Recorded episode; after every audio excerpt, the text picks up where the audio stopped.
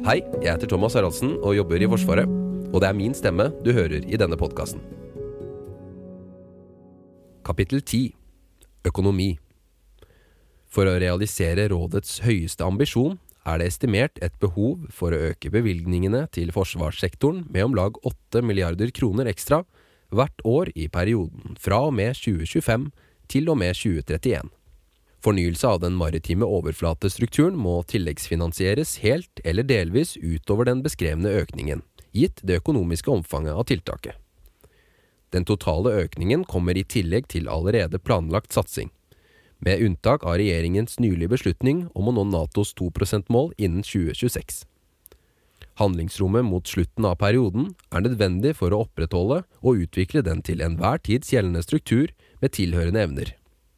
Fra 2023 er det behov for en økning på om lag 1% årlig for å kompensere for den forsvarsspesifikke kostnadsveksten. Behovet knyttet til forsvarsspesifikk kostnadsvekst gjelder uavhengig av fremtidig struktur og ambisjon. Forsvarssektorens støtte til Ukraina, herunder reanskaffelser av donert materiell, er i det fagmilitære rådet forutsatt finansiert utenfor sektorens økonomiske ramme.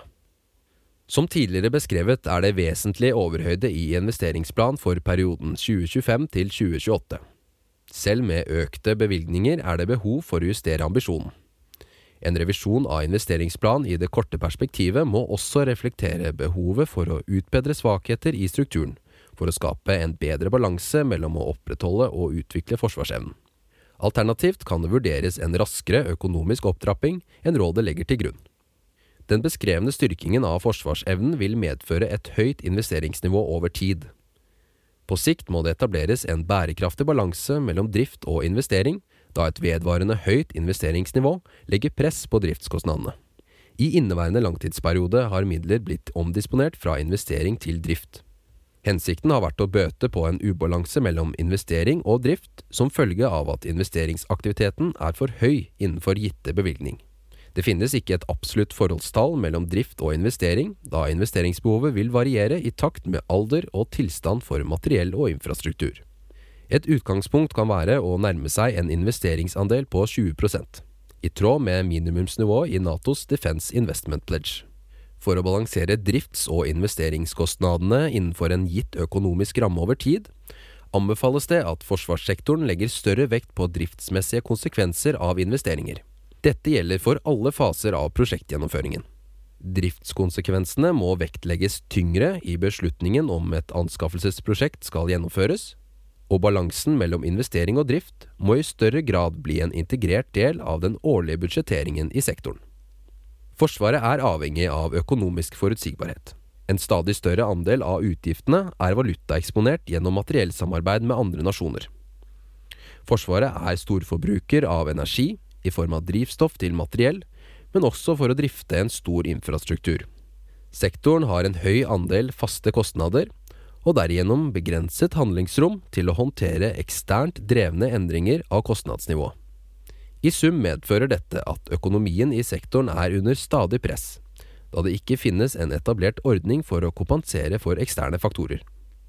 En konsekvens av dette er at Forsvaret ikke klarer å anvende, opprettholde og utvikle forsvarsevnen som forutsatt. Dette har blitt tydeliggjort de siste årene med sterk samtidig vekst innen alle de nevnte faktorene. Det anbefales at Forsvarsdepartementet tar initiativ til en særskilt kompensasjonsordning for sektoren, for å sikre at forsvarsevnen kan anvendes, opprettholdes og utvikles i henhold til ambisjonen. Modernisering og effektivisering anbefales videreført etter samme prinsipp som inneværende periode, med tilhørende økonomiske gevinstmål.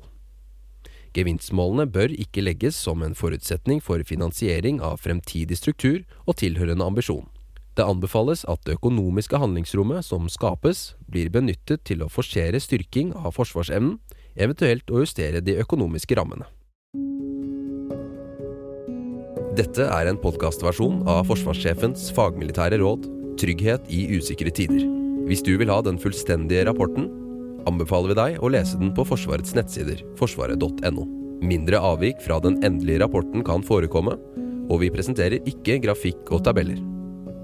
Podkasten er laget av Fredrik Tandberg, Jørgen Lyngvær og Thomas Haraldsen.